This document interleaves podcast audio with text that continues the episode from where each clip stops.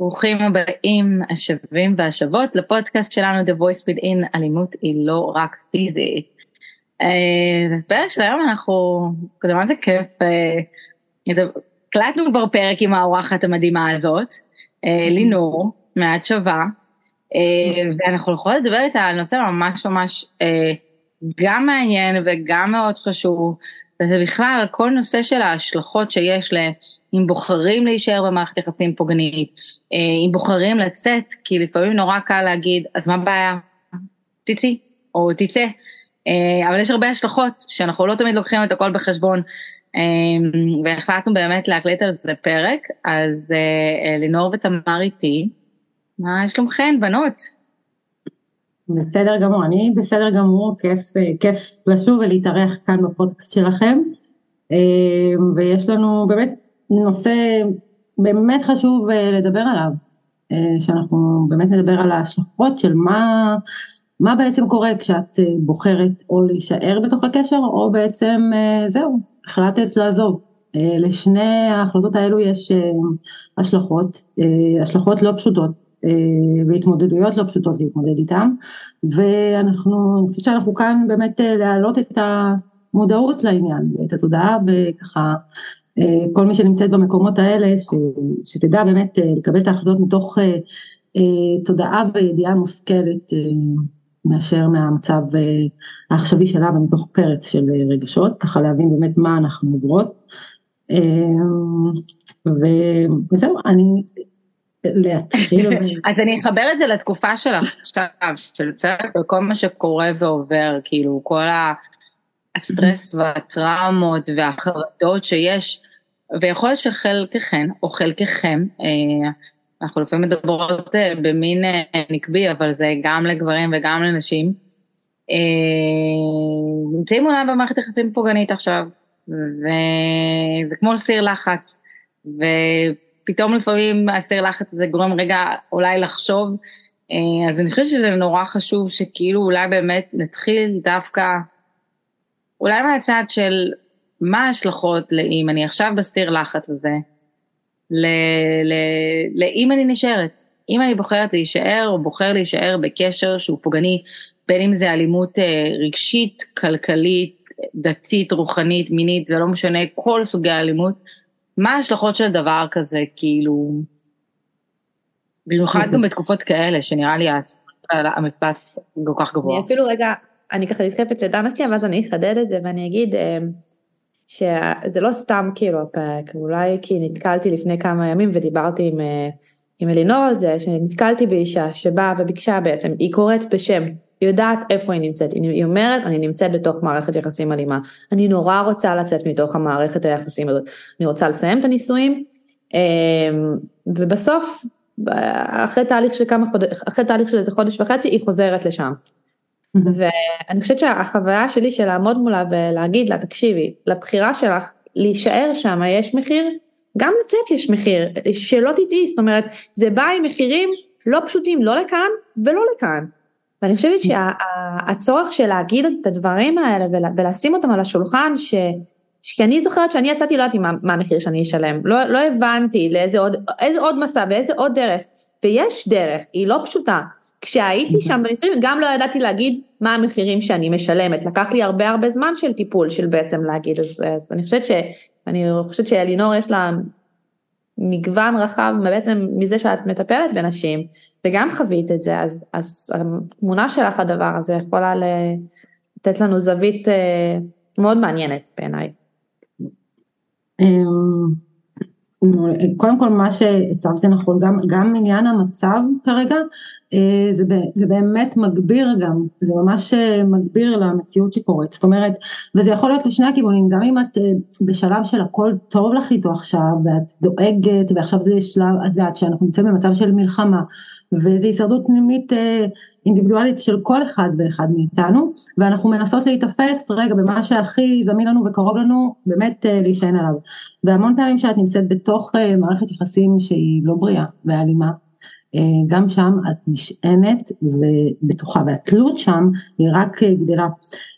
המון נשים שנאמר בתקופה הזו כל עניין של תגובת הקיפאון, באמת הפריז הזה שנכנסים שעוד מהעבר שלנו, באמת בתקופה הזו הוא באמת מוגבר ומועצם, וככה אנחנו גם מתפקדות ביום יום שלנו. אם זה בעבודה עם חברים, ובטח ובטח בתוך הזוגיות שלנו, בתוך הבית הפרטי שלנו.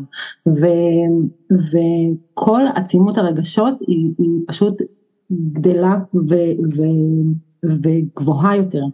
ולמה אני מתכוונת? נאמר, תראו, כש, כש, כשאת, אני אחלק את זה לשני דברים, זאת אומרת, אם את אה, כרגע נמצאת אה, במצב שאת, אוקיי, יצאת מהקשר ואת, רוצה, ואת בוחרת לחזור לשם, אה, ולאחר מכן אנחנו גם נדבר על אה, איך אם בחרת לצאת מהקשר ואת יוצאת משם. אז המון פעמים נשים אה, בוחרות לצאת משם ובאמת יש להם את כל הנכונות ואת כל הרצון ואני יודעת שאני עוברת xyz ואני יודעת ש, ש, שלא טוב ואני, ואני רוצה ונמאס לי ודי ו, וברגע שהן באמת עושות את הצעד הן חוזרות אחורה. ו, ויש לזה סיבה, צריך, צריך להבין באמת קודם כל ממה, איך, איך באמת ההשתלשלות העניינים שאני בתוך המערכת הזו וכל כך כל כך uh, קשורה אליה. Uh, זו התקשרות טראומטית, כן, אבל אנחנו ניכנס ככה ונסביר uh, קצת מלמעלה. בעצם זו דינמיקה, בתוך המערכת יחסים הזו יש דינמיקה של שליטה. והדינמיקה הזו דרך אגב, ואני ארצה אולי קצת לנפץ כאן דברים, היא דינמיקה משני, היא שליטה משני הצדדים. ומה הכוונה? אני מתכוונת... אבל אני נורא, זה נורא חשוב שאתה אומר את הנקודה הזאת, וזה באמת, אני אשמח שבאמת נחדד אותה, כי כאילו יש באמת נטייה לחשוב שזה כאילו צד אחד הוא התוקף וצד השני הוא הנתקע, שבעצם לכל צד יש את האחריות שלו ואת התפקיד שלו בדינמיקה הזאת. לגמרי, לגמרי. אה, לא סתם אני איתו ולא סתם הוא איתי. יש לנו איזשהו משהו משותף שבאמת מושך אותנו לתוך הקשר הזה, גם אם הוא אה, קשר נורא מעוות ונורא פוגעני. אמ, והעניין שלשנינו יש בעצם דברים אמ, ככה שאנחנו באנו אליהם מתוך הקשר הזה, אה, נושאים מהעבר שלנו, התנהלויות מהעבר, אמונות מהעבר שבאמת ככה אנחנו נכנס לתוך הקשר. אנחנו לא שמות לב לזה בהתחלה ובאמת אנחנו מתחילות להיכנס לקשר וזורמות מה שנקרא בתוך הקשר ובאמת מתחילות לתפעל אותו. אמ, לאט לאט אנחנו באמת בתוך הדינמיקה הזו יש כאן את השליטה נאמר נדבר על הצד שלו, זאת אומרת השליטה מהצד שלו מגיעה, וברגע שהשליטה מהצד שלו מגיעה, שזה יכול להיות במגוון מניפולציות, התנהלויות אה, וכולי, ביטולים, הנמכות, אה, לאחריו מגיע גם השליטה שלנו, ואני אסביר את זה. כשהוא שולט בך בעצם, אה, אז זה מספק את הרצון שלו להיות, אה, לשלוט, בעצם לחפות על, אה, על דברים מהעבר שלו. זאת אומרת, יש חוסר ביטחון נורא נורא נורא עמוק שאדם רעיל, אלים, אה, נרקסיסט מסתובב איתו בעולם. זה יכול אולי מבחוץ להיראות כאילו אין מצב, הבן אדם הזה הוא הכי סופר בעל ביטחון, אבל בפנים עמוק בתוכו הביטחון העצמי שלו והערך העצמי שלו נורא נורא נורא שבור. אה, עד שהוא מתכחש לזה ממש מהילדות שלו, זה דבר שנבנה לאורך השנים שהוא ממש לא רואה אותו, והוא גם לא יראה אותו, כן? זה רק, הוא, רק יפגין את ההתנהגויות האלה כלפי הסביבה. וישב מהם אנרגיה לחפות על הביטחון שלו. אז ככה בעצם, אה, ככה בעצם אדם אה, שהוא במצב הזה, והוא שולט, והוא מנמיך אה, ומבטל ומתנהל בכל מיני מניפולציות ומכאיב ופוגע, הוא מרגיש רגע עכשיו יש לי שליטה, אני עכשיו יכול להיות רגוע, אה, אני שולט במצב, הכל בסדר, הערך שלי לא נפגע, הביטחון העצמי שלי והחוזק שלי לא נפגע, הנה היא מונמכת כרגע. מהצד השני. ולא רק שזה לא נפגע, הוא פשוט מרים לעצמו בזה שהוא השולט. כאילו, יש פה הרמה עצמית לגמרי, שהיא הרמה במקום, שאם אני אסתכל רגע ממקום של זוגיות בריאה, הרמה צריכה להיות, אני מרים לך, אתה מרים לי, וביחד כאילו כל אחד כאילו מעצים אחד את השני וצומחים ביחד, לא משנה גם זה כיוונים שונים. לעומת נכון. כאילו מערכת יחסים רעילה שהאחד מרים לשני על חשבון השני, במקום להרים כאילו ובהרמה משותפת. בדיוק. ונאמר אז אוקיי, אז אנחנו עכשיו בשלבים הפחות טובים בקשר נקרא לזה, זאת אומרת השלבים של ההפחתה, השלכה, הורדת ערך וכולי, ו, ומהצד שלו, בפנים עמוק, הוא מפחד שאת תעזבי. הוא יודע שהוא פגע בך כל כך כל כך עמוק, או שהוא מתנהג אלייך בצורה אה, רציפה באופן כזה, מבפנים הוא, יש לו פחד של, אה, פחד נטישה אפשר לקרוא לזה, אה, מחוויות עבר שלו, זה יכול להיות נטישה רגשית שהייתה לו או נטישה פיזית שהוא חווה, כן? אבל הפחד הזה קיים בתוכו מאוד מאוד עמוק, וברגע שהוא פוגע בך, יש את הסיכוי הזה שאולי תעזבי, אוקיי? ואז בעצם הוא מנסה לתקן את זה, ואז מגיע שלב ההפצצת האהבה. רגע, רגע, רגע, אל תעזבי, בואי תראי איזה מדהים אני, איך אני אגיד לך את מה שאת רוצה לשמוע. בדיוק את המילים הנכונות, ואת ה... והסליחה והחרטה ודמעות ובושה ורק את יכולה לעזור לי, אוקיי? אמ, ובעצם רק איתך אני יכול לשנות ואת יודעת שקשה לי ועברתי כל כך הרבה אז אמ, אבל אנחנו ביחד נוכל לעזור ואיתך ואת מבינה אותי וכולי. בעצם מה שזה יוצר אצלך, אצל הקורבן בעצם, אה, זה, זה מפתח אצלו את המנגנון הזה שבעצם רגע, אני יכולה לטפל בו, אני יכולה לעזור לו, כי הנה הוא צריך רק אותי, ובעצם מגשים את החוסרים שבי, זה ממלא את החוסרים שבי, שמה שאני חוויתי בעבר שלי, אני מכירה כבר את ההתנהלות הזו, אני יודעת מה זה שקשה, אני יודעת מה זה שלא מקבלים אותך, אני יודעת מה זה שחווית דברים בחיים ו ו וכולי, וחווית הנמכות וזה, אני יודעת מה זה, אז בסדר, אז אני מפתחת מנגנון של רק אני יכולה לעזור, ובעצם נוצרת אצלי כאן שליטה מזויפת. אני חושבת שאני שולטת בקשר, כי אוקיי, אז הנה הנה, אני אקבל את הסליחה שלו והחרטה שלו והמילים היפות, ואני אוכל איכשהו לשנות את הקשר, או לעזור לו להגיע לבן אדם הטוב שהוא, אוקיי? ואז בעצם אנחנו ככה מתנהלים בצורה הזו, אני...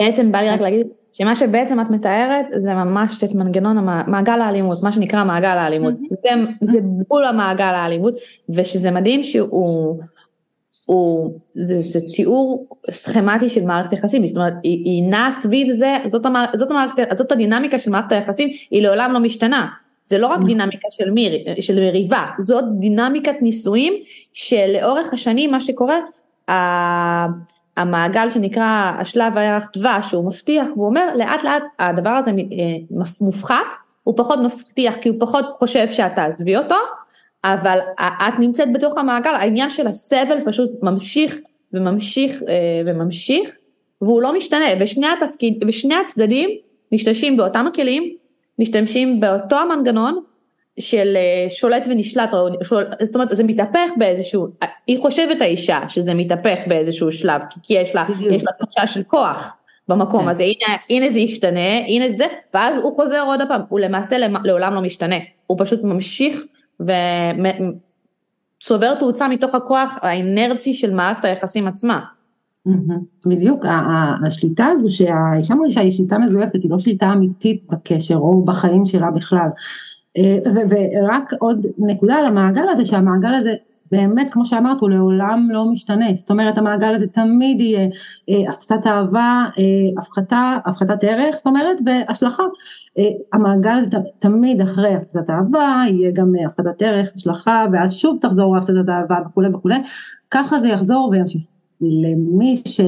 אה, ושוב, אנחנו כאן נוגעות גם בנקודה שאנחנו דיברנו עליה בהתחלה, למי שבוחרת בעצם לעזוב את מערכת היחסים הזו, או בוחרת לסיים אותה, היא אה, תזכה במרכאות אה, להגיע גם לשלב, למרחיקות לכת, שלב השאיבה, האוברים בעצם, שאז יגיע השלב הזה. עכשיו גם במעגל הזה אני רוצה גם לציין שהוא הוא יכול להיות אה, דינה, משתנה, זאת אומרת לא משתנה ב, ב, ב, במה שיש בתוכו, אלא משתנה בעצימות שלו. יכול להיות שיהיה המון הפצצת אהבה, הפצצת אהבה, הפצצת אהבה, ואז הפחתת ערך, ואז אחר כך ישר, בלי השלכה, ישר הפצצת אהבה, או שמהפצצת אהבה להשלכה, זה, זה מאוד משתנה, אבל הדינמיקה הזאת תמיד תמיד תהיה, ככל שיעבור הזמן, הוא יבין שהוא לא יצטרך כל כך הרבה להשקיע בהפצצת אהבה בשלב הזה, מספיק לו רק המילים הקטנות, הרגעים הקטנים, וזה בעצם הרגע שאת, שאת באמת מתמכרת לפירורי אהבה, אוקיי? וככה את מאמינה שזה מה שמגיע לך. מה את אמרת? אני אוותר לך הפעם. אני יכול ללמד לדבר. עכשיו קטעת לי את חוט המחשבה, לא, אבל אוקיי. מה שרציתי כאילו לשאול, את מדברת על הדבר הזה, אז אני אגיד, אולי יש כאלה, אה, נשים וגברים, שמבחינתם מוכנים לספוג את הדבר הזה של ההפחתה וההפחתה וההפחתה, כל עוד יש להם אה, מדי פעם פירורים אפילו של אה, ערפת אהבה וכל החיזוקים. אז כאילו אני חושבת שכאילו אם אתה בוחר להישאר במערכת, אז כאילו, אבל במקום כאילו נורא עצוב אולי להגיד, כי כאילו אתה, הערך העצמי שלך כל כך נמוך, שאתה מוכן להסתפק במעט, אתה מוכן לספוג כל כך הרבה כאילו הורדה והפחתה והכל עליך, רק בשביל טיפה אהבה. טיפה תשומת כן, לב. בא לי, בא לי להגיד לך שקורה במנגנון הזה עוד משהו. זאת אומרת, על מה שאת מדברת על הפירורים, מגיע עוד משהו שהוא מאוד בעייתי במעגל הזה. כי למעשה, עם הזמן, מה שאת עושה, את משכללת את ההתנהגויות שלו. זאת אומרת, הדינמיקה האלימה, את מתחילה, זה כמו לשחק במשחק, בכלים שהם שלו. כדי להחזיר לו על זה שהוא הכאיב לך, את תתקפי אותו באותם המילים, באותם ההתנהגויות שאת כל כך סולדת מהם, שהנרטיב שהוא מנסה להלביש עלייך, פתאום הופך להיות הדמות שלך, מה שאת מעולם לא. ובנוסף לזה, לא תמיד זה מדובר על אהבה, אני יכולה להגיד שהרבה מהמריבות שלי היו על, על ארוחות, ארוחות חג או ארוחות משפחה. וה, וזה לא היה העניין של להשיג את האהבה, זה היה בעניין, באמת העניין של להשיג, לשבת בשולחן עם, עם המשפחה שלי ביום שישי או בחג, שזו נשמע כאילו מריבה סטנדרטית, היא לא היה, לא היה נחשב איזשהו מעגל אלימות, אבל הייתה הסלמה לפני החג, ואז מתחילה מריבה, והפירורים שלי היו בזה שהוא היה אומר אין בעיה, אני אבוא, אבל זה יהיה החג אצלנו בבית, זה יהיה בשעות שאני קובע, ואת כאילו מוקצבת לזה. זאת אומרת, מעולם לא קיבלתי את הדבר של יד חופשית. ולפעמים זה גם חלק מהפירורים שאת מקבלת. לא אבל לא זה פירור שאני אומרת, אבל זה פירור שאני אומרת, שזה אפילו, כאילו שוב פעם, אני יודעת שאת לא תעלבי ממני, אבל זה נורא עצוב. למה? כאילו, זה הפירור, אני מוכנה לסבול כל כך הרבה, רק בשביל שתיתן לי ארוחה, למה מי אתה, כאילו, את מבינה? בחשיבה שלי, כאילו למה מי אתה שאני צריכה לספוג ממך כן, כל כך הרבה השפעות ודברים כאלה, רק בשביל שתאפשר לי מדי פעם לעשות ארוחת ערב חג או ארוחה משפחתית? אני, אני ארצה רק לחדד, אה, אה, אה, דנה, את אמרת, באמת שאלת, למה מי אתה? זו שאלה באמת ש, שיכולה לשאול מישהי שלא נמצאת בתוך המעגל ואני אסביר גם למה. נכון. כי בעצם כשאני נמצאת בתוך המעגל אין בכלל את העניין הזה למה מי אתה, למה מי אתה לא יוצא מהפה שלי, זה, זה נמצא בתוך הראש, כי גם אם אני אגיד את זה, אני לא באמת אאמין למשפט הזה למה מי אתה, כי בשבילי הוא הכל, בשבילי הוא השולט, בשבילי הוא האבא של הילדים שלי, בשבילי כל, הוא זה שאחראי לרגשות שלי ולאיך שאני אתפקד במהלך היום, הוא אחראי לחיים שלי, ממש, אני, הוא, הוא השולט בי, אז זה לא למה מי הוא, כשאני מגיעה למצב הזה, אין בי כבר את השאלה הזו למה מי. יש למה מי אני, למה מי אני שאני אתנגד, למה מי אני שאני יכולה לעשות איזשהו משהו, איזשהו שינוי, זה, זה העניין, העניין של הערך שלי בתוך המערכת יחסים הזו. כשאני נמצאת בתוך המערכת יחסים הזו, הערך שלי הוא לא גבוה, ו- וזה אחד מההשלכות ומהמחירים שאני משלמת גם כשאני חוזרת אה, לתוך הקשר שוב ושוב ושוב, בעצם כל פעם אה, אני מקבלת המון, יש לי אה, חששות מבן הזוג שלי בצורה קבועה לאיך הוא יגיב ומה הוא יעשה? ומה הוא יחליט הפעם, יש לי אה, חוסר ביטחון עצמי, למה אני מסוגלת, כי אני מסוגלת לקבל החלטות, אני מסוגלת להגיד איזשהו משהו שישפיע, וזה יכול להיות גם בעניין הכספי, גם בעניין אה, התנהלות הבית, גם בעניין העבודה שלי, גם בעניין ההישגים שלי העצמיים, או אה, אפילו בעניין הילדים שלי, זאת אומרת זה יכול להיות בדברים הקטנים, כל איזשהו נאמר גבול שאני אשים אה, לילדים, או כל דבר שהוא שאני ארצה דרכם לחנך, דרכו לחנך את הילדים, הוא יכול לבטל את זה. אמ, אם אני ארצה להיות, אה, לשים איזשהו גבול, הוא יוכל באמת להגמיש אותו ולהיות נאמר האבא הנחמד בשביל ליצור לעצמו אה, את הקהל שהוא צריך, את מי שהוא צריך לחזק אותו או בשביל להחליש אותי, כן?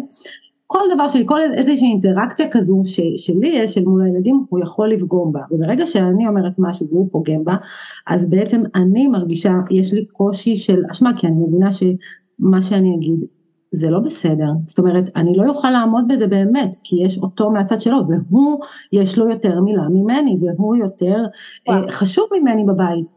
אה, אה, זה העניין. אחת ההשלכות שאתם מדברות עליה, כאילו אני רוצה רק למי, כאילו גם למי שמאזין מאזינה, כאילו תשים את זה באיזה כמו בולט פוינטס כאלה.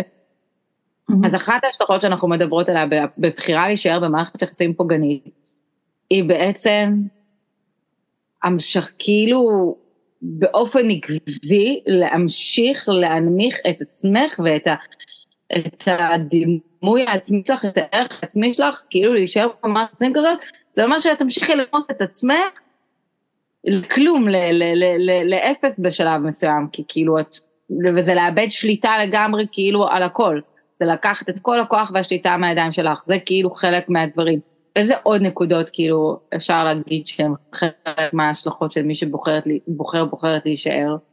אה, מבחינת, אה, מבחינת קבלת החלטות, מבחינת אה, קרבה לחברים, עכשיו כל דבר, הסביבה שלי, כל דבר אני יכולה באמת לגעת בו, זאת אומרת אם אני בקבלת החלטות, כל החלטה שאני קיבלתי, נאמר קיבלתי החלטה לעזוב, אבל הנה את חזרת והנה אמרת שאת תעשי ככה ואת לא עושה ככה, את חוזרת בעצם לאותה נקודה, כן, את חושבת שאת תוכלי באמת להגיע ו, ואוקיי חזרתי בחזרה, עכשיו אני, עכשיו אני יכולה לשלוט בקשר, עכשיו אני יכולה להביע את מה שאני רוצה. בדיוק, והבעיה כן.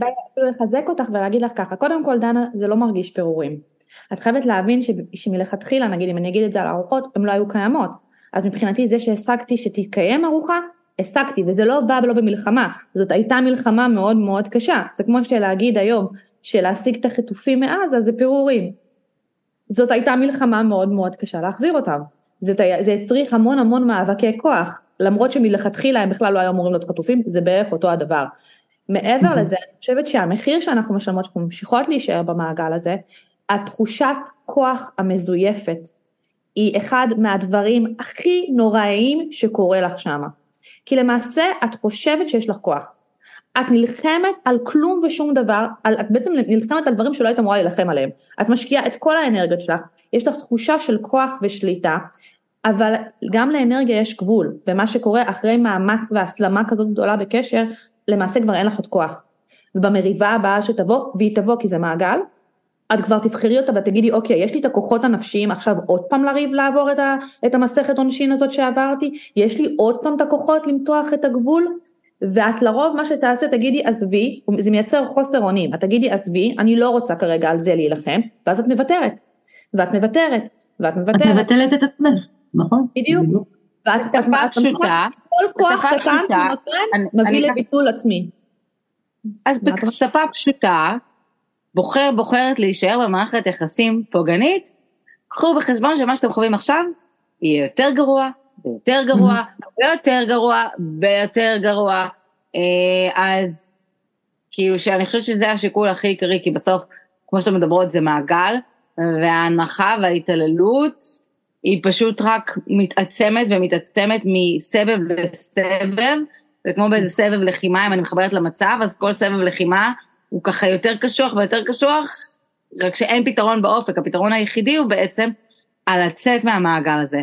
אז אני כן רוצה לדבר ולהעביר את זה ככה כאילו להשלכות שיש ביציאה, כי נורא קל להגיד למי שלא היה במערכת יחסים כזאת, נורא קל לבוא ולהגיד, אז מה הבעיה? אז פשוט לצאת.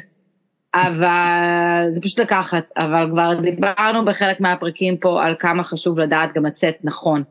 אבל אני חושבת שלא באמת מדברים על ההשלכות והתהליך והחלמה וכל מה שקורה מעבר, שאתם שתיכן אולי יכולות להעיד, תמר, אה, כאילו גם על עד כמה הוא שווה את זה, אה, בסופו של דבר, כי הוא תהליך.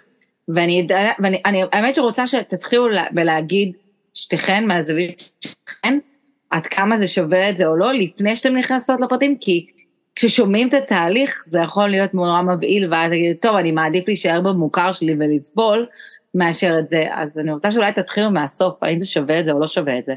אלינור תמר, נראה לי אלינור תתחילי אולי את, כי תמר לפי הפרצוף היא חושבת. כן, אבל אני חושבת שלפי החיוכים שנפרסו לנו על הפנים ברגע ששאלת השאלה הזאת, זו כבר התשובה. אה, שזה אני לא, אני לא, יודעת, אני לא אפחית מזה ואני לא אשקר, זה תהליך ארוך, מאתגר ולא פשוט, ואת תתקלי בקשיים איומים, עצומים, זאת אומרת שאת לא תדעי איך להתמודד איתם אפילו, כן? מהחוויה שלי אני יכולה לומר לך שלא היה באמת מידע, לא היה, לא ידעתי איך לצאת, פשוט ברחתי, לא ידעתי ממה. ואז את מתחילה מכלום, מה זה מכלום? ממינוס של המינוס. כי מעבר למינוס החומרי, יש את המינוס הנפשי ש, ש, שאיתו את עשית, אבל, אבל קודם כל אני רוצה לחדד את הנקודה, שכמה שכל מי ששומעת אותי, כמה שאת תעברי בכל הקושי, ו, וכמה שאת אפילו תרצי לתאר לך איזה כיף יהיה כשלא תהיי שם, אין לך מושג כמה זה באמת כיף, כמה זה באמת משחרר, כמה זה, את חוזרת לעצמך, את מגלה את עצמך מחדש, שזה הדבר הכי מדהים שיש, כי בתוך מערכת יחסים כזו את פשוט שוכחת את עצמך, את, את לא זוכרת מי את, הכל מתערבל ומתערפל לך. כן, וממש כשאת יוצאת, אני, אני יכולה לומר עכשיו, מרבות השנים את יודעת, אה, אה, היום זה, זה הדבר הכי נפלא והכי עוצמתי גם שעשיתי בחיים שלי. לצאת משם, כי באמת זה לא פשוט, זה, זה דבר שהוא מושך ואנחנו יודעות כבר את הסטטיסטיקה של כמה שאת יוצאת, את חוזרת וכולי, ויחד עם זאת אני באמת רוצה אה, לתת תקווה לכל מי ששומעת את זה כרגע, ש, שזה אפשרי, ולא משנה באיזה נקודה את בחיים או באיזה שלב את בתוך מערכת יחסים, את יכולה לצאת משם, את יכולה להפסיק את המעגל, כי המעגל הזה יפסיק רק כשאת תפסיקי אותו, ממנו זה, זה לא ייפסק, רק ממך, ו, וזו נקודה חשובה באמת. זה יכול להיפסק, פשוט במוות. אה, כן, לא, אני לא... וזה לא מה שאנחנו מכוונים אליו. כן, זה כבר שאין, המעגל לא קיים, כבר שום דבר לא קיים, אנחנו רוצות כן, לשמר את הקיים. כן. אבל בא לי להגיד רגע על המוות הזה, אנחנו צוחקות עליו, אבל אל תשכחו, אתם חוות מוות נפשי שם. זה לא משהו שאפשר להמעיט בערכו, זאת אומרת, המוות הנפשי קורה מדי יום ביום. ואני חושבת ש... שאלינור אמרה את זה והיא צודקת כל כך, אני תמיד אומרת, שיום אחד בחופש לא שווה רגע אחד של הקושי של לחיות בגיהנום הזה, למרות שבגיהנום ידעתי לתפקד. ידעתי לתמרן כי היה לי את הכלים לתמרן כי, כי סיגלתי אותם לעצמי. ידעתי לשרוד, אני אחדד אותך, ידעתי לשרוד. ידעתי לשרוד, על להתמודד ביום יום, בואי, זה מציאות הרבה יותר, זה מצריך משאבים אחרים, זה מצריך כוחות אחרים, אבל אני לא יודעת איך לתאר לך את ההרגשה שאת הולכת בבית ואת לא צריכה לפחד לדבר בטלפון וכשקוראים לך בשם שלך את לא אומרת אוי לא. וכשאת נכנסת למיטה שלך אין שם אף אחד שמטריד אותך ואף אחד שמציק לך ואף אחד לא בודק לך את החשבון בנק ואת לא חייבת דין ודיין אלא רק בעיניים של עצמך. והדבר הזה של פשוט אפילו לפעמים היכולת להסתכל במראה היא כאילו בעיניי אני לא הסתכלתי במראה 11 שנים. היכולת להסתכל היום במראה זאת חוויה של רגע, הנה אני, אני פה, אני חיה, אני קיימת, והטביעת אצבע שלי, האימהות שלי, הזהות שלי היא שם, אין לזה מחיר, אין לזה מחיר, וזה לעולם לא משתנה אם את לא אה, בוחרת לעצור אותו, וכן, לא, אני אגיד לך משהו, הוא לא יעצור את המעגל, כי הוא לא יודע אחרת חוץ מהמעגל. ונשים ש... ואנחנו יכולות, כאילו אני אומרת, נשים או מי שרוצה לעצור אותו, צריך להבין שאת המשחקים האלה אתה לא, אתה לא משתתף במשחק הזה יותר, אתה פשוט עוצר אותו, אתה לא משחק בכלים האלה, ולשבור את הכלים, אה, זה... זה לא פשוט. זה המאתגר, נכון, נכון. כשיוצאים מקשר כזה, זה אישה נאמר יכולה, זהו, אני החלטתי, אני יוצאת משם, ופשוט בטריקת דלת יוצאת משם, כלומר זה במקרה הטוב, כן, שהיא פשוט מחליטה ויוצאת משם, אוקיי? ו- אבל ברגע שהיא יוצאת היא אומרת, זהו, אני עכשיו חופשייה ממנו, אין לי שום דבר, אני מתחילה את החיים שלי, ויהיה בסדר וכולי, אבל זו רק אופוריה רגעית, כי ברגע שאת באמת מתבוננת במציאות, אה, את מבינה, רגע, עכשיו יצאתי, אבל אני לא יכולה, אני לא יודעת מה עושים, אני לא יודעת, אני, אני כל הזמן, זה הכל היה תלוי בו, הכל בשליטה שלו, אני יודעת לתפקד עם הוראות שליטה שלו. עכשיו רגע, אני צריכה לשים את ההוראות שליטה, אבל אני לא יודעת איך שולטים באמת באופן בריא, אני לא יודעת איך לתפקד באמת, ואני, ואני מתחילה ועובר יום, עובר יומיים, עובר שבוע ושבועיים, ואני יכולה להרגיש, אוקיי, בסדר, כי אני מתעסקת, אני יכולה להתעסק כלומר בדברים טכניים, אבל ברגע שאני מתעמקת או בלילות שאני עם עצמי, אני מתפרקת, אני יכולה לכאוב לילות וימים של בכי, זה יכול ממש להרגיש כ, כאבי, כאבים בגוף. המון נשים מפתחות גם מחלות וכאבי גוף שהן יוצאות מתוך המערכת הזו, כי אז זו הנקודה בעצם שהגוף יכל לאפשר לעצמו, רגע, אני חייב להוציא, והגוף מסמן את זה, כי כל השנים האלה הוא היה עצור, ופשוט פיתח חולי בפנים שזה יוצא כלפי חוץ, ואני יכולה להרגיש את זה ממש בעצמות, יש רגעים שאני, שזה ממש מרגיש, זה ממש כמו התמכרות, כן, ו- ויש רגעים שאני ממש חווה תסמיני גמילה של התמכרות, ממש כאבים פיזיים, כאבים נפשיים, אי רצון להמשיך לקום, לא יכולה שום דבר, כי הוא בעצם זה התרופה שלי, זה המנגנון שמסופר לי במוח, שאיתו, הוא יקל על הכאב, הוא יקל כן, על הכאב. הוא יקל הכאב כי כבר אני לא יודעת מה יכול הכאב. לעזור לי, נכון? בפנים במוח אני יודעת מה יכול לעזור לי, והדבר הכי קל שיכול לעזור לי זה לחזור אליו. ואם אני אחזור אליו אני אקבל אהבה, והנה הוא מחזר אחריי, אז עכשיו הכל יהיה בסדר, ואני לא אצטרך להתמודד עם כל ה...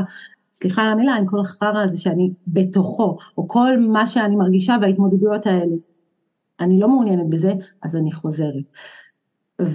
ברגע שאני מחליטה, רגע, אני לא חוזרת, אני צריכה להבין שאני הולכת להתמודד עם איך אני הולכת לחיות, איפה אני הולכת לחיות, מה אני הולכת לעשות. השאלה הראשית זה מי אני בכלל, מי אני. ופה את מתחילה להתחיל ולחזור לעצמך. ומה זאת אומרת? להיכנס באמת פנימה ולהגיד רגע, מה אני אוהבת? יש דברים שאני אוהבת, יש דברים אה, שאני מכירה שעשו לי טוב בעבר ועכשיו יכולים לעשות לי טוב. יום, אני העצה שלי תמיד זה באמת להתחיל בצעד אחד ועוד צעד אחד. אין צעדי ענק ואין מ-0 ל-100, כי אנחנו רגילות לסינרגיה הזו של 0 ל-100, או ממש הסיסמוגרף הזה שקופץ, אנחנו רגילות לזה בתוך מערכת יחסים שלנו, במשחקי הדופונים והקורטיזול שמעלים ומורידים לנו, בתוך החומרים הכימיים שמופרשים לנו בתוך המוח, ואנחנו אנחנו לא יודעות איך לאזן אותם, וזה העניין, האיזון הזה של החומרים האלה שמופרש לנו במוח, שהם מתעתעים בנו, כי בסופו של דבר מה שהגוף שלנו, כמו שאנחנו יודעות, הוא הישרדותי, ומה שאנחנו רוצות זה באמת, הוא רוצה לשמר אותנו ולשרוד, אז רגע, בואי אני אעזור לך להגיע למקום הרגוע יותר שלך, הנה יש לי את הפתרון, לחזור אליו, שם את לא תצטרכי באמת להתמודד, אני אתן לך את הפתרון. וזה הפתרון המהיר והקל, אבל כמו שהוא מהיר וקל, את מהר ובקלות את חוזרת לתוך המעגל ובעוצמה, כי ככל שאת תחזרי יותר ויותר, העצימות של, של השלבים האלה תהיה גבוהה הרבה יותר, וכל הרגעים הנמוכים יהיו הרבה הרבה יותר נמוכים ממה שאת מכירה, גם אם עכשיו הכל נראה ברור. נכון, אבל בא לי גם להגיד, הוא לא מקל, זאת אומרת, את יודעת, נגיד התמכרות לסמים או התמכרות לאלכוהול, הבקבוק לא מדבר אלייך, את פשוט רוצה לשכוח את הכאב אז את הולכת. Mm-hmm. אבל פה יש לך משהו שהוא אקטיבי, זאת אומרת הוא לא יהיה מוכן, את הסם שלו כמו שהוא הסם שלך, אתם, הדין, הצורך הזה אחד בשני הוא מאוד מאוד חזק, once הוא מתחיל והוא יתחיל, mm-hmm. ברגע שתרצי הוא ייתן לך את הזמן שלך ואז הוא יתחיל להשמיע את כל הדברים שאת תמיד רצית לשמוע. אני זוכרת רגע אצלי שהיינו ממש לפני החתימה של ההסכם גירושים, אנחנו כבר חצי שנה לא ביחד. אה, והוא אומר לי בטלפון, הוא התקשר אליי, הוא אמר לי, אני יכול לדבר איתך כמה דקות, והיה, ואמרתי כן, כי הוא רצה לדבר על ההסכם. הוא אמר לי, תקשיבי, טעיתי. אני אתן לך לימודים שאת רוצה, אני אתן לך את האוטו שאת רוצה, אני אתן לך לקנות את הבגדים, אני אתן לך לעשות את הלק ואת הצבע בשיער, שת, תביני, כאילו זה כזה טיפשי, אבל זה היה משמעותי. ואז אני מסתכלת ואני אומרת, אבל היום יש לי כבר את הכל, כאילו את מה שאתה מציע לי כרגע, אני לא צריכה, אני לא רוצה גם כן. אבל כשהוא משמיע ואז הוא אומר, אבל הילדים, אבל הילדים, ואז את אומרת, אבל הילדים, הם צריכים אבא, הם צריכים אימא, איזה אימא רעה אני, מה אני מפרקת בית בשביל מה, שיהיה לי צבע בשיער, שיהיה לי צילק בציפורניים, שאני ארצה לקנות בגדים בזארה, בשביל זה אני מפרקת את הבית, איזה מין אימא אני. והדבר הזה של האימא, אני חושבת אצלי עבד מנגנון משומן מאוד מאוד מאוד, ולמען הילדים ולמען שלום המשפחה, אני בחרתי פעם אחר פעם אחר פעם לחזור שמה, והייתי מוכנה לספוג המון והמון המון המון כדי שלילדים שלי יהיה אבא ואימא. אני כל כך מזדהה איתך. זאת אחת הטעויות, אני, אני, אני, אני, ברור לי שאתם מזדהות אחת עם השנייה, אבל כאילו, לי ששומעת את זה מהצד, נו מה אני אעשה, את יכולה לעשות לי פרצוף, תמר. אבל למי ששומעת את זה מהצד, אני אומרת, להפך, אני רק עושה נזק לילדים כשאני נשארת בזו, ובין אם היא אה, במערכת יחסים, לא, אני רק עושה נזק כאילו ל, לילדים, בהירות במקום שהוא לא טוב, הרי מה אני בסוף מראה להם? מה אני בסוף כאילו נותנת להם? נכון, אז אני חייבת להגיד לך את המשפט הזה, אמרה לי ביום שהתעמדתי להתגרש, אמרה לי רבקה נוימן, שהייתה מנהלת למקלט לנשים מוכות, והיא אמרה לי, יקירתי, בבית כמו שלך, כי היא אמרה, היא ידעה שאני הולכת להגיד על הילדים, והיא אמרה לי, בבית של, כמו שלך גודלים שני סוגים של ילדים, תוקף או נתקף. זה מה שאת רוצה ללמד אותם? ובזה, זה היה, זה מה שהיה צריך לעצור. אני לא רוצה לגדל לא תוקף ולא נתקף. צריך להבין שכשהילדים גדלים בתוך מציאות כזו, אז באמת הם גדלים גם ממש לחוסר, חוסר ויסות רגשי. בכלל בכל הנוגע לרגש, לעצימות הרגש, לאיך מתמודדים בתוך סיטואציות. הם יודעים גם לנצל סיטואציות, רגע, אני יודע שאבא מתנהג ככה ואימא מתנהגת ככה, אז אני יכול להוציא את מה שאני רוצה מאבא או מאמא, תלוי במה אני מפתח אצלי, אוקיי? ואני יכול גם לגדול כמניפולטור, ואני יכול, יש, יש המון אה, אה, ילדים שגדלים נגיד להורה נרקסיסט, אה, והם עצמם, והם עצמם גדלים להיות הם נרקסיסטים, ומולידים זה ממש עובר בירושה אפשר לומר. או זה, או שהם הופכים להיות מאוד חרדתיים, כאילו למשל, יש לי שעובדת היא פשוט מאוד חרדתית, כי ההורים שלה היו נרקיסיסטים, בעיקר האימא, והיא נכון. פשוט בחרדות, כל דבר אומרים לה מילה, אוי, אני לא עשיתי טוב, הכל כאילו סוף העולם, ובגלל זה אני אומרת שאתה חושב שאתה עושה טוב לילדים, אבל אתם לא, אוקיי? זה כאילו, זה בצורה הכי מגעילה להגיד, צאו מהסרט, אתם רק עושים נזק, גם ככה הילד יצטרך פסיכולוג, כי הוא תמיד יאשים את ההורה, גם אם הוא גדל בבית טוב וגם בבית פחות טוב, אבל לפחות בעיניי למזער את הנזק, מה שנקרא. אה, שהנזק יהיה רק על דברים מסוימים ולא באמת על לגרום לנזק שעדיין, ש, ש, שמחיה את המעגל האלים הזה. כי בסופו זה גם המטרה של מה שאנחנו עושים פה בפודקאסט, להעלות מודעות ולעורר, כדי שכמה שפחות אנשים ייכנסו למעגל הזה, ושכמה שיותר אנשים יצליחו לצאת מהמעגל הזה. ואי אפשר להעלים אותו לגמרי, זה לא יקרה, אנחנו צריכים להיות גם ריאליים, אבל אם אפשר למזער, אז כן, אז אם את מצליחה לצאת מהמערכת היחסים או אתה מצליח, ומצליח לתת גם לכלים, ל, לילדים, אז אתה מונע את הילד הנרקיסיסט הבא, או את הילד הבא שהתקרבן וכאילו, ואכלו לי, שתו לי ו- וכאלה. מה את אמר?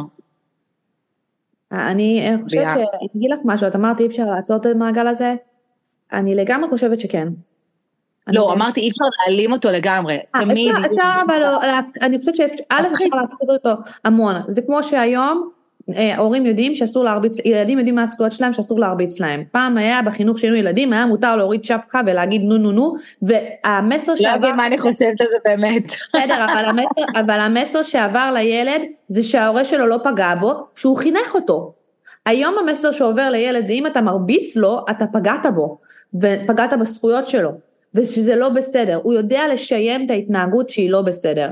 אני מאמינה שככל שאנחנו נעורר מודעות בדבר הזה ואנחנו נפתח אותו ונשתף בו, אנשים ידעו לשיים. ברגע שנתת לזה שם, יש לזה פתרון. ברגע שידעת להגיד שזה, הנה אני עכשיו מזהה, זה מעגל האלימות, או זה התנהגות שהיא פסולה, אז זה, אז זה אה, ייתן מקום לעצור. כי כשאת לא מודעת לתהליכים שעוברים עלייך, ושאת לא יודעת שיש משהו שהוא פסול בהתנהגות שמישהו עושה, או כשאת לא יודעת איך לתווך את החוויה הזאת לעצמך, את נמצאת בקונפליקט מאוד מאוד גדול, ואני חושבת שמה שאלינור אמרה לפני זה על החוסר ויסות הרגשי, זה, זה בדיוק אחד המנגנונים שממשיכים לתחזק את כל הדבר הזה. את הופכת להיות חסרת אונים, הרגשות שלך לא בשליטה שלך, את לא מצליחה להתמודד עם כלום, העולם מרגיש או למעלה למעלה גבוה או למטה למטה נמוך, אין אמצע בכלום, ואני חושבת שזה גם אחד המחירים אחר כך שאנחנו משלמות במחיר יציאה, כי לחזור לאיזון זה תהליך. אני ארבע שנים אחרי, בטיפול, ואני עוד לא שמה. אני נורא מנסה להחזיק את זה ולא שם, כי הריגוש זה כמו להיות מכור לסמים המון שנים, הריגוש בלחיות בהיי גבוה או בלואו נמוך הוא עדיין צורך שלי. נכון, נכון, אני, אני מסכימה איתך, וזה דבר שעד היום, אני אומר לך, זה, זה מדובר, זה כמו שאת אומרת, את אה, אצל, אה, את, את מטופלת, אני, אני אומרת לך, אני גם כן מטופלת, זאת אומרת, זה משהו שאני חושבת שגם אם אני מטפלת, זה לאו דווקא נוגד שיהיה לי מטפלת, זה, זה צורך, אה, זה דבר נורא חיובי, ו, ובאמת, העניין הזה, אני ארצה ככה לחזור רגע לעניין של, ה, של הילדים. המון נשים אומרות רגע ומה עם הילדים? מה אה, אה, אני אפרק את הבית ואני אעשה דבר כזה? ודבר שהוא חשש נורא נורא ממשי בשביל האישה עצמה. היא ממש חושבת אני היה לי כל הזמן איומים של אם אני אעשה איזשהו צעד הוא ייקח לי את הילדים הוא יאיים עם הילדים ואני ואם אני בוחרת אז אני זאת אשמתי ואני בחרתי לפרק את הבית וכולי צריך להבין שאחד הדברים, ילד צריך דברים בסיסיים בשביל לגדול, ואחד הדברים הבסיסיים שהוא צריך בין, בין היתר זה ביטחון, אהבה וחום, ובתוך בית שכזה הוא לא יקבל ביטחון, לא תהיה יציבות שם, הביטחון שם יינתן אולי רק מצד אחד, זה לא יהיה באמת מערכת הורית שנותנת ביטחון מלא לילד, כי הבית כל הזמן מעורער, ו... אני אגיד רגע משהו אחד כזה, כשאימא נמצאת במוד הישרדות, אין לה פניות רגשית. בואו נהיה ריאליות, אין פניות רגשית לילדים. נכון. את רק תפקודית, את לא רגשית. לגמרי, לגמרי, ואני יכולה לומר מהחוויה האישית שלי, זאת אומרת שבאמת בשנים, האחר, בשנים הראשונות, אחרי שאני עזבתי, הביסות הרגשית שלי היה על הפנים, אה, גם מול הילדים.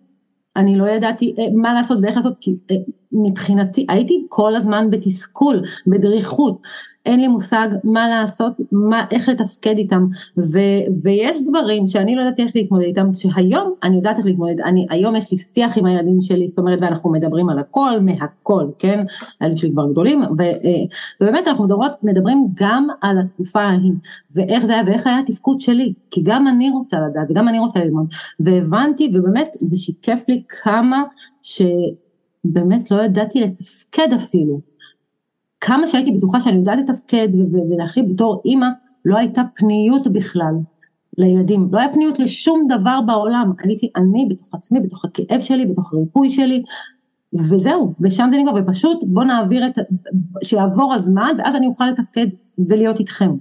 זה היה המחשבה שלי, שוב, בלי ידיעה לפני כן, ולא היה לי שום מודעות לעניין. אמ, וזה דברים שהם נורא נורא חשוב אה, לשים על השולחן ולדעת ש... אם יש לך ילדים ואת עוזבת מערכת יחסים אה, נרקסיסטית, אה, והדבר המונע ממך זה באמת אה, מה יהיה עם הילדים. אני רוצה ש, שכל אישה תדע, שבאמת, כמו שאמרנו שהדבר של הביטחון אה, ואהבה וחום, אלו דברים שילד צריך, אז רק ברגע שהיא תוכל לצאת משם ולעזור לעצמה, שם היא תוכל להעניק להם באמת את הביטחון שהם ראויים לו, לאהבה שהם ראויים לה ולחום שהם ראויים. כי בתוך מערכת יחסים כזו, או שאני אתן להם אובר, כי אני ארצה לגונן עליהם מדי, וגם זה לא בריא, או שזה יהיה בחוסר, שאני אתן להם פחות, כי לא תהיה לי שום פניות. לכן זה דבר שצריך באמת לשים לב אליו, ו- ו- ואם אני אחזור רגע לעניין גם ש, שכשאת עוזבת מערכת יחסים, בעצם הדברים שאת מתמודדת איתם, אה, אז כמו שאמרנו יש את השלב הזה ש, שבהתחלה את חושבת טוב הכל בסדר עברתי וכולי ואז ואז מתחיל לנקר בך. כל תסמיני הגמילה בעצם מתחילים כבר לצוף ו, ואת רוצה ואת מתחילה להבין רגע מה עשיתי שם? איך הייתי שם? איך נתתי לו לדבר אליי ככה איך הסכמתי שזה יהיה ככה, איך לא עשיתי דבר כזה, את מתחילה להלקות את עצמך על המון המון דברים שהיו בתוך הקשר ואיך יכול להיות שאת היית שם, ואת עצמך לא מאמינה בכלל למה שעברת, אפילו לא אומרת את זה בקול. את מתביישת מהסביבה שלך, מתביישת מהאנשים באמת הקרובים לך. מעצמך. בדיוק, מעצמך בעיקר. כי הבושה והאשמה הזו, אלו דברים שנוכחים בלי הפסקה בתוך מערכת יחסים רעילה. האשמה הגדולה שנבנית בתוכך שכל דבר הזה אשמתך ואת לא תצליחי ואת לא תעשי וכולי ויש בך מצד, ש, מצד אחד גם יש את הסביבה שדואגת להגיד לך רגע למה את לא משחררת כבר? די, עבר כבר זמן, שחררי, תפסיקי לבכות, תתקדמי על החיים שלך ו- ויאללה. ו- ואני ארצה גם כאן לתת דגש, כי כאן בעצם, כשהסביבה אולי היא לא מתכוונת לפגוע בך, כן? הם רוצים לדאוג לך, אומרים לך, נו, תתקדמי, תשחררי. אבל זה דבר שיכול להיות אה, נורא נורא מתעתע, כי את עצמך נלחמת כבר תקופה ואת נאבקת באמת בתקופה הזו של די להשתחרר ולצאת משם ולעזוב ודי נמאס לי ולהתחיל מחדש ולבנות את החיים שלי ויש את הסביבה שלוחצת ואת לא מצליחה בעצמך, זאת אומרת את לא מצליחה לעשות את זה שוב ושוב ויש עוד את, ה, אמ, את הדרישות מהסביבה אז האשמה כלפי עצמך עוד יותר גודלת. איך אני לא מצליחה, איך אני לא מצליחה לשחרר כבר. אבל בא לי להגיד לך על זה משהו מדהים, כאילו את בדיוק אומרת את זה ואני נזכרת נגיד בתקופה שיצאתי ועוד גרתי אצל אבא שלי, אז אני חושבת שאת נמצאת במערכת יחסים אלימה, המראה היחידה שיש לך זה הוא. אז הוא. אז ההתנהגות הזאת שיש שלו ושלך, החוסר אונים שלך, זה משתקף רק מולו, אבל מולו יש לך עוד כוח. יש לך על מה לנהל את המשא ומתן.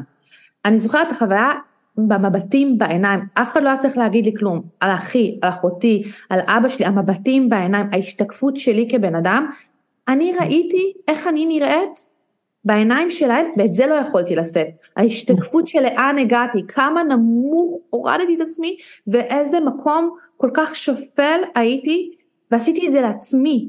וזה היה אחד מהקשיים הכי קשים על להסתכל פעם אחר בעיניים, הם לא צריכים, את יודעת, לפעמים לא צריך להגיד מילה, זה המבט בעיניים של וואי, איך זה קרה לך, או, או, או לפעמים הם היו רואים איך אני מתמודדת עם הילדים, או מתמודדת בסיטואציות מולו, ו, או, או אפילו על איך שהייתי יושבת, אם הייתי יושבת שפופה ולא זקופה, המבט שלהם בעיניים שלי, כאילו, וואי, תמר, זאת את?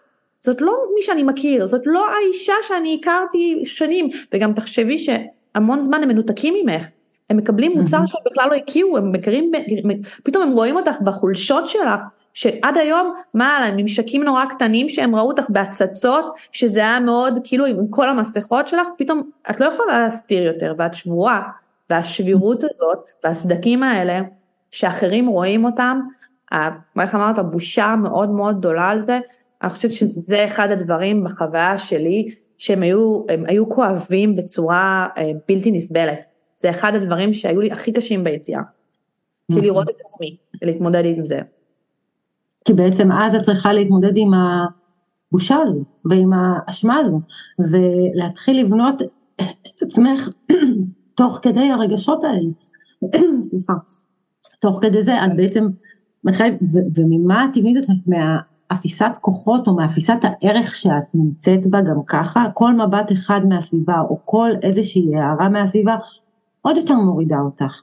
ואני אה, אה, ארצה להמשיך, ברגע שאת בעצם במצב הזה, ושאת, אה, ושהסביבה ככה, וזה התחושות שלך בעצם, זה, זה דבר, זה אחד מהדברים ש, ש, שכל אישה מתמודדת איתה, זאת אומרת אישה שיצאה משם מתמודדת איתה בצורה כזו או אחרת, אבל בסופו של דבר את תצטרכי להתמודד עם זה ו face to face באמת אה, להכיר בזה של מה עברתי ומה חוויתי וממה יצאתי ומול מי אני עומדת באמת.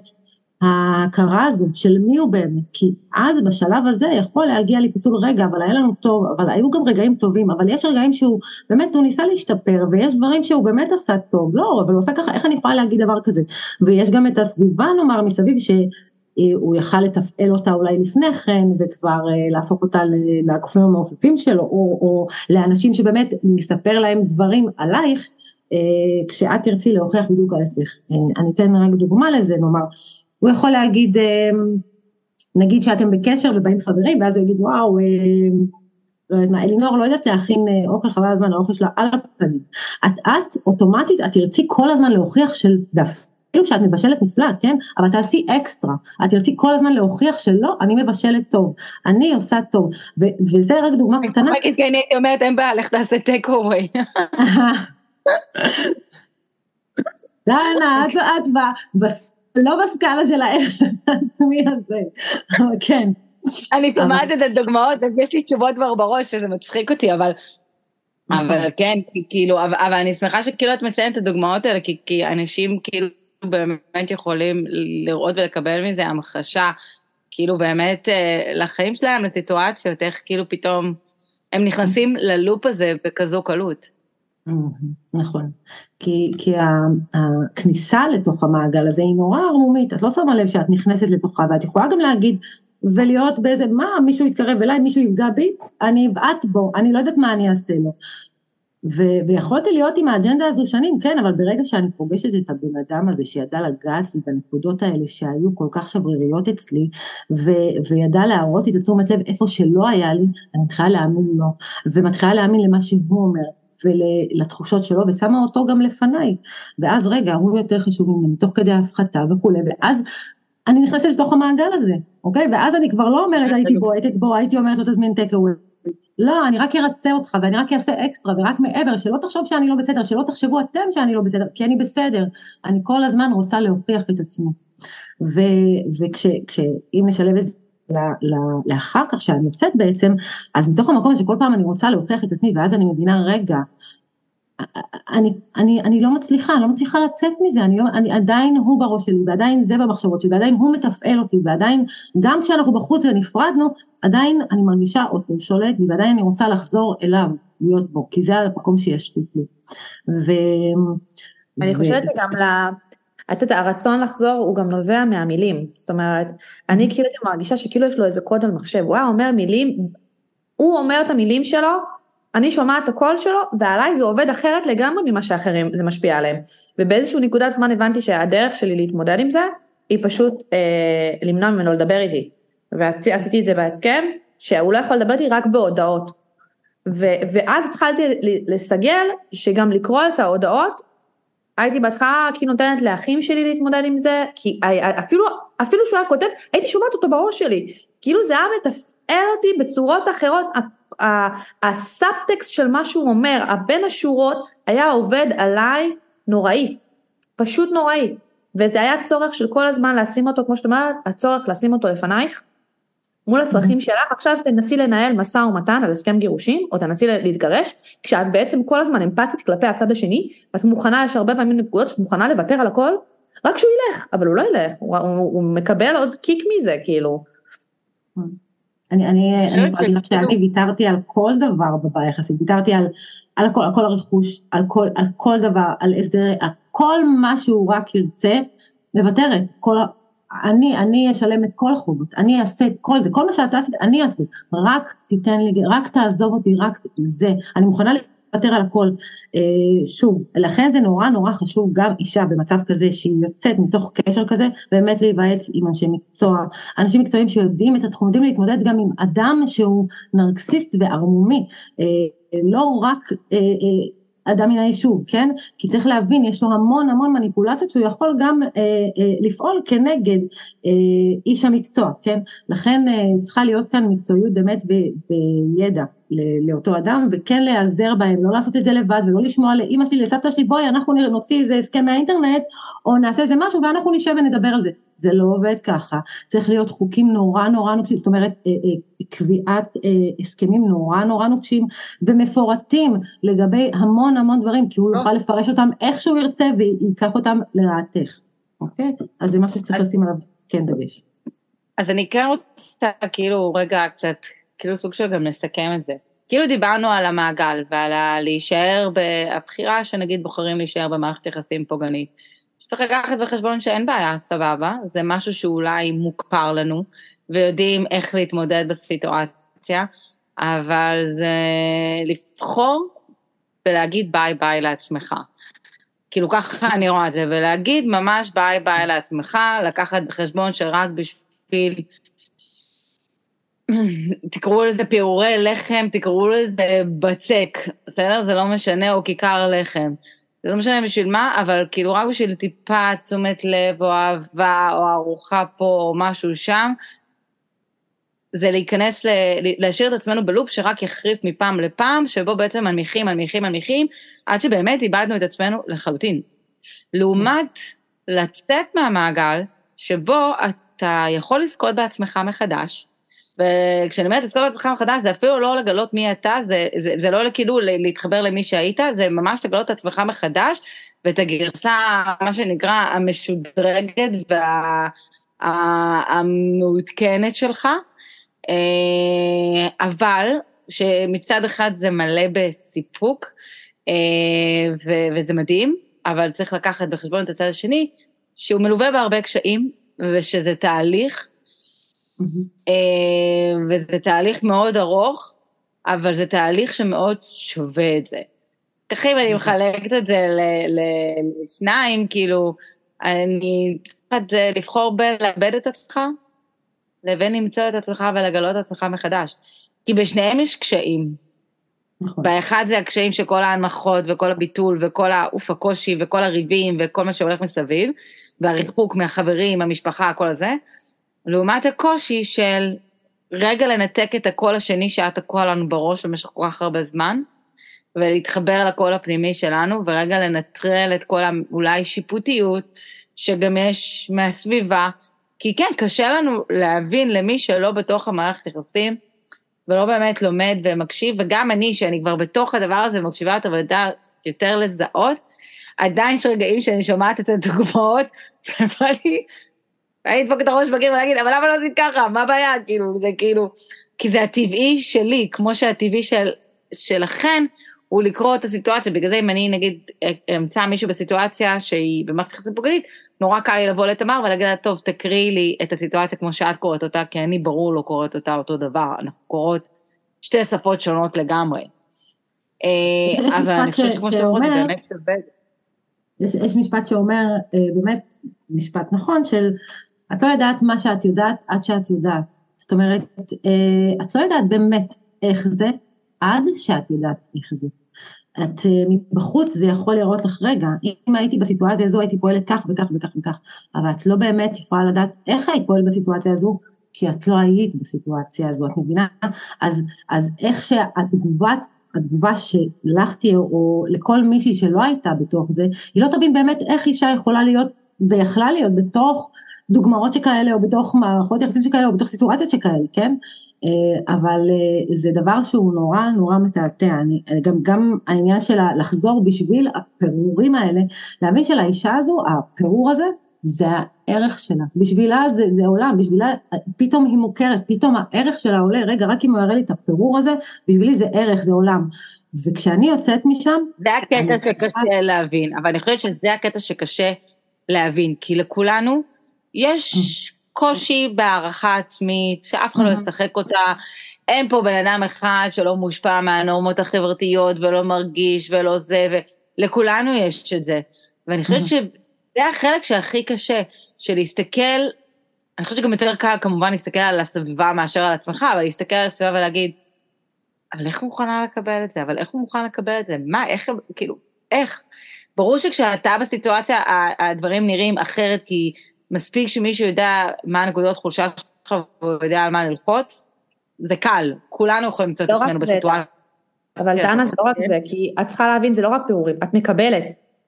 זה לא שאת לא מקבלת, את מקבלת, את לא מקבלת את כל מה שאת רוצה. ואם אנחנו נתחבר רגע לפרק הקודם, יש את המניעה שבסוף את מקבלת את זה בחלקי, אבל את מקבלת. כי ביום שאת לא תקבלי בכלל, את לא תישארי, אל תטעי. זה לא קורה, אה, החוויית פירורים הזאת, בגלל זה היא כל כך מסנוורת, כי היא לא באמת פירורים. וככל שאת נכנסת לזה ונשאבת אליו יותר, אז יש גם הרבה יותר מורכבויות של יש משפחה, יש ילדים, יש התחייבויות כלכליות, יש גם את הדברים הטובים, זה לא שח, הכל שחור, אם זה היה שחור לבן, אם זה היה רע וטוב, אז, אז, אז היה יותר קל לראות את זה. זה המון פעמים מאוד מאוד מוסווה, במעטפת מאוד מאוד... להפך, ש... יש שחור או לבן, אין את כל הצבעים מסביב. אתם רואים או שחור או לבן. אין את הצבעים האחרים של המת... כן, או שאת בסדר או שאת לא בסדר, או שלרגע את... זה טוב או שזה רע זה גיהנום, אני מסכימה. כן. מסכימה, אבל אני חשבתי, אני יכולה להגיד... אז את מבינה את מי שרוצה לראות עוד דברים, חוץ משחור לבן, מי שרוצה רוצה. אבל אהובה, אני חושבת שבאיזשהו מקום, אנחנו לא תמיד יודעות, אבל את לא תמיד יודעת, אני באה לי כאילו רגע, כאילו אני מרגישה שאני צריכה להגן, לא כי אני מגינה, אבל אני מרגישה שאני צריכה להגן, כי אנחנו לפעמים נוטות לחשוב שככה זה אצל כולם, ואת את, את, את מתחתנת פעם אחת, את מקימה משפחה פעם אחת, את לא עברת את זה לפני כן שאת יודעת לזהות, אני בעולם לא האמנתי שיש מישהו שיכול לפגוע בי רע, אני האמנתי שהוא ירצה לטובתי, שהוא רוצה לטובתי, ו- וזה רק, רק תקופה וזה יעבור ויהיה בסדר ותהיה תקווה והנה אנחנו כבר עוברים זו רק משוכה והנה עוד יבוא הדבר הבא והטוב אבל את, את נכנסת ונשאבת לאיזשהו לופ שלצאת מזה הוא פשוט מפעם לפעם הופך להיות יותר קשה. אמ, אז אני חושבת שזה זה כאילו זה זה אבל קשה, אל ת... זה בסדר, קשה, קשה, קשה לכולם. כל אחד ב שלו, בדרך שלו, אף אחד לא עושה תחרויות. לא, באמת, רגע, אני בכוונה רוצה רגע לשים את זה, כי את, אתן צוחקות, אבל אבל קשה וגם אותי... זה לא אמר לי, זה לא, זה לא, זה רחוק. זה קשה, יש גם בלחם וגם אותו אוכלים, נכון? יש את המשפט הזה שאוהבים להגיד בארץ. באכל, בלי סוף. אבל לכל אחד יש את הקושי שלו ואת ההתמודדות שלו, ויש כאלה שיותר קל אה, להימנע מלהיכנס למערכת יחסים כאלה, ויש כאלה שיותר קל להם לצאת בהתחלה, ויש כאלה שיותר גם קשה להם לצאת, וכל אחד ב-level, וזה סקאלה. אבל, אבל בסופו של דבר, גם אם את במערכת יחסים בריאה, אז גם לזה יש את הקשיים שלה, כן? ואני אומרת בריאה במרכאות, כי אין כזה דבר באמת בריא, בואו נצא רגע מה, מהדבר, מה, מהסכמה הזאת. כי גם במערכת יחסים במרכאות בריאה, עדיין יש ריבים, עדיין יש אי הסכמות, אה, כל אחד, זה אנחנו עדיין אנשים וכל אחד יש לו... וזה בסדר שיש ריבים במערכת יחסים בריאה, אבל זה בסדר שיש ריבים ויש אי הסכמות, כל עוד יודעים איך לתקשר אותם ולתווך אותם באופן בריא, כן? ההבדל הוא אבל לא כולם מערכת... עדיין יודעים, וזה עדיין לא אומר שהם במערכת יחסים פוגענית, כן? הם פשוט לא נכון. לא יודעים לריב, הם פשוט לא יודעים לתקשר, זה לא מעיד על פוג... נכון, מסכימה איתך, זה תקשורת, אבל יחד עם זאת גם עניין הערך פה, יש לו משקל נורא כבד. זאת אומרת, הערך העצמי, עם מה אני באתי לתוך הקשר, בנקודת ההתחלה שלי, איך באתי, איך הערך שלי היה, ועכשיו יכולתי לחשוב שהערך שלי הוא גבוה בשמיים ונראית טוב והכל, אין לזה שום קשר לערך העצמי הפנימי שלי. מול עצמי. יש את הערך שאני יכולה לשקף לכל העולם, אבל לא הערך הפנימי האמיתי שלי, האותנטי שלי. ו, וכל דבר כזה, בתוך מערכת יחסים רעילה, הערך שלך מופחת שוב ושוב ושוב ושוב, כל פעם מחדש. וזה הבן אדם הקרוב אלייך, הבן אדם שעשה, שהוא האוטוריטה בחיים שלך, ממנו את חווה את זה, איפה שכל האמון והביטחון שלך, את לא יודעת את זה לפני זה, את נכנסת לנישואים, את לא יודעת את לא מכירה אחרת, את חושבת שככה זה, אוקיי, אז אני אספוג עוד קצת, אוקיי, אז אני אכיל עוד קצת, אוקיי, אז הוא קצת, יש לו קצת טרלולים, אז הכל בסדר, אבל... ולאט לאט זה מתעצם, ואין לך מושג שזה לא אמור להיות ככה. ו- וההתנהלות הזו היא לא תקינה, והיא לא בריאה. ו- אז אני ממליצה אחד... למי שרוצה, אז אני אקח את מה שאת אומרת, ואני אמליץ למי שמאזין ומאזינה לפרק, ואתם אולי לא בטוחים, שאתם נמצאים במערכת יחסית פוגענית, או שמישהו בסביבה שלכם נמצא, ואתם לא בטוחים, תדברו עם מישהו שמבין, אתם מוזמנים לדבר גם לפנות אלינו כדי לשאול את תמר, וגם אותך אלינור, ובאמת לשאול מישהו שהיה ולהתייעץ ולהבין האם זה אני מגזים, משוגע, במרכאות, אולי אני סתם לא יודע לתקשר טוב עם בן או בת הזוג שלי, או שיש פה משהו ככה נסתר כזה שלא שמתי לב וכדאי להציף הלאה, כאילו, ובאמת להבין את זה, כי כאילו, כמו שאת אומרת, זה באמת מנעד, ומי שלא יודע כאילו לתת לזה שם ולקרוא ולראות את הסימנים, אז אתה יכול לחשוב על כל מיני דברים, כי יש אחד שבאמת יכולה, יכול יכולה להיות במערכת יחסים פוגענית, אבל עכשיו פעם, אבל זה סתם, זה כי אני משוגעת, זה כי אני לא בסדר. אה, ויכול להיות שזה סתם בני זוג של מערכת יחסים, סוג של בריאה, אבל פשוט לא יודעים לתקשר טוב בזמן ריב, וזה הכל מתפוצץ, ואם רק היו מכוונים אותם באיך לדבר נכון, אה, אז זה הכל היה נפתר. אה, אבל אני רוצה רגע באמת ש... ויש באמת, אז אני מזמינה אתכם לפנות, ומה ככה חשוב לכם ככה להגיד לסיכום על לצאת, לא לצאת. אני, אני, הדבר שאני באמת, אה, אני אמליץ לכל אחת, ו, ואני אמשיך להמליץ באמת אה, עד סוף חיי, זה לצאת משם. לאחת לא הייתי ממליצה להישאר שם, לאחת. זה שווה כל מחיר, כל, כל מחיר, וכל חוסר ערך שאת יוצאת איתו מתוך מערכת היחסים הזו, או את חווה בתוך מערכת היחסים הזו, ברגע שאת יוצאת, אה, את מתמודדת איתו לבד. והדבר באמת החשוב שצריך להקפיד עליו, כי שוב, יש את התקופה הלא פשוטה שאחרי היציאה מהקשר, כן, שאת אה, אה, באמת מתמודדת עם המון דברים, אבל ברגע שאת עוברת את התקופה הזו, באמת של הניתוק המוחלט, את צריכה ניתוק מוחלט ממנו, זה אני, אני אחזור ואומר, ניתוק מוחלט, ושוב, כמו שגם uh, תמר אמרה, שאמרה שטוב, לא יכולתי לשמוע אותו, אז הודעות, אז דרך גורם שלישי, דרך מיילים, כל דבר שהוא, כל ניתוק, ניתוק שאת יכולה לעשות, אם זה אפס קשר או אפס רגש, זאת אומרת אם יש ילדים באמצע זה אפס רגש, אם יש, אם אין ילדים או משהו מקשר, אפס קשר, כלום, שום דבר, כי, כי אני, אני רק אתן איזושהי דוגמה קטנה של נאמר את אימא ויש לך ילדה והילדה שלך אה, ואתם הולכות ברחוב והילדה ש... ונתקלתם בכלב זאב והכלב זאב הזה כרגע מה שהוא עושה הוא נושך וטורף את הילדה שלך את בתור אימא מה את עושה? את הולכת עם אה, מטלית ותחבושת ומנקה לה את הדם או שקודם כל את מרחיקה את האיום ואז המטפלת באה ומרחיקה את, ומנקה את כל אדם ומגלידה את הפצעים. קודם כל להרחיק את האיום כביכול, קודם כל להרחיק את הדבר שאני לא יכולה להתמודד בפניו, את ההתמכרות הזו, את הדבר הזה, ואז עם עצמך, ברגע שאת עוברת את שלב הניתוק הזה, אפס קשר, את מתחילה לחזור לעצמך, אז את מתחילה להיוולד מחדש, אז את מתחילה לגלות כישורים בעצמך, דברים בעצמך, ואלו דברים שהם נורא נורא חשובים, את הערך שלך מחדש, כי את יכולה לבנות את הערך שלך מחדש ולהגיע לגבהים שאת אפילו כרגע לא דמיינת אותם, שוב, את לא יודעת מה שאת לא יודעת, עד שאת יודעת, גם בתור אישה שנמצאת כרגע בתוך המעגל הזה וחושבת, אוקיי, איך אני יוצאת, וגם אם יהיה לי קשיים, וגם אם לא יהיה קשיים, את לא יודעת, את לא יודעת עד שאת יודעת, ואת, וכשאת תדעי, זה יהיה עולם נפלא, אחר ושונה לגמרי ממה שחווית עד היום. זה, זה עצמאות נפשית, פנימית, ערך אה, מדהים, זה פשוט, אני, אני, זה, זה לכל אחד, עם כל האתגרים והקושי, לתפוס את זה בשני ידיים, להבין מה היא עוברת בחיים שלה, לעשות באמת עם עצמה, בדק עם עצמה, מה היא רוצה, היא לא חייבת דין וחשבון לאף אחד, אלא מול עצמה, ותתחיל לראות מה היא רוצה, וכל פעם להציב מטרות קטנות, קטנות, צעד אחד אחרי עוד צעד אחד, להגביר את הביטחון שבך, לקבוע איזושהי פעולה עם עצמך ולבצע אותה. זה מזכיר למוח שלי שיש לי מילה, שיש לי ערך, שיש לי מטרה, שיש לי שם, ואני יכולה לעשות משהו. אז גם אם המטרה הזו, גם אם הצעד הקטן הזה זה לסדר את המיטה בבוקר, גם אם הצעד הקטן הזה זה לצאת בחוץ, לעשות טיול, לקרוא ספר, ללמוד, להבין מה אני עברתי, כל דבר זה צעד שיקדם אותי אל עבר האור שלי, ולשם אני רוצה לשאוף ולהגיע.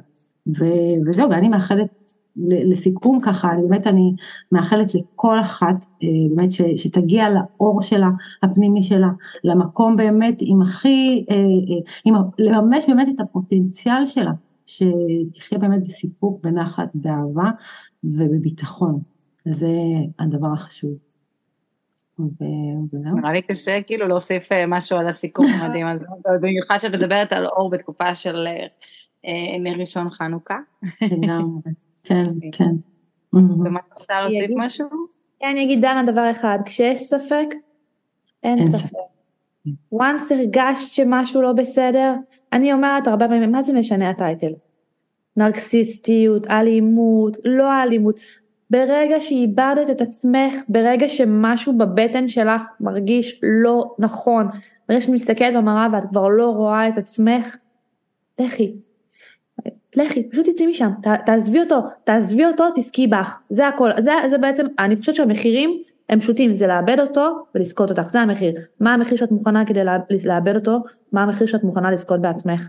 אמ, ושוב זה יושב על מה שאלינור אמרה על ערך עצמי, כשהערך העצמי שלנו נמוך אז אנחנו תמיד נבחר בו, כי אנחנו חושבות שיש לו את הערך הרבה יותר גבוה.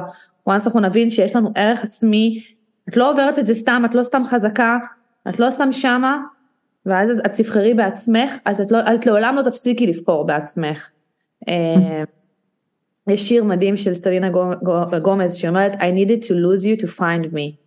וזה לגמרי, זה, זה התהליך יציאה, זה לאבד אותו כדי למצוא אותך. ואלינור, אין לי מילים להגיד כמה את בעיניי, את מדברת ואני מרותקת ואת את כאילו מדהימה, כי את לוקחת אה, מילים מאוד מאוד פשוטות, בהמון המון רוך, לחוויה מאוד מאוד קשה, מורכבת, מסובכת, זו אומנות, אין לי, באמת, זאת אומנות איך את עושה את זה, מדהימה בעיניי, ואני עוקבת אחרייך באדיקות כל הזמן, ומאוד מאוד מאוד אוהבת את התוכן שלך.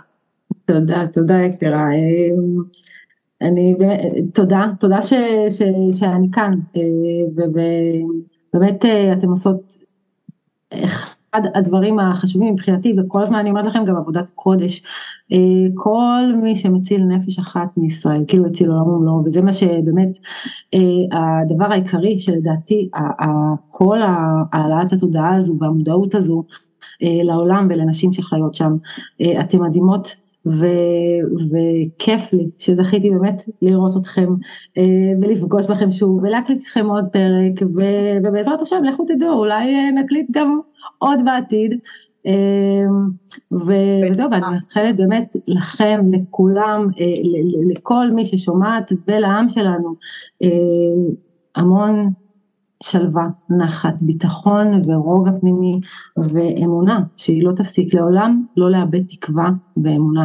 זה הדבר תמיד ככה לשים בראשנו, כי הכל, אנחנו יכולות לשנות את הכל, בכל מצב, בכל דרך. וזהו, ואני אוהבת אתכם. גם אנחנו איתך, אז אני רק אסיים קודם כל, א', תבחרו בעצמכם, אה, תבחרו באור הפנימי שלכם, כי לכולנו יש אור, רק צריך להדליק.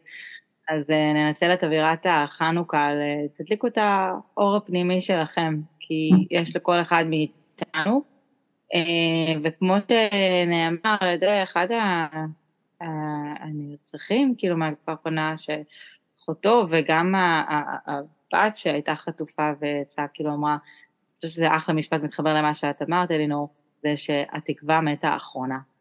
ותמיד יש תקווה, אז תאחזו בתקווה הזאת, ואתם לא לבד במסע הזה, ואם אתם מרגישים שאתם לבד ולא בטוחים, אז בשביל זה אנחנו כאן.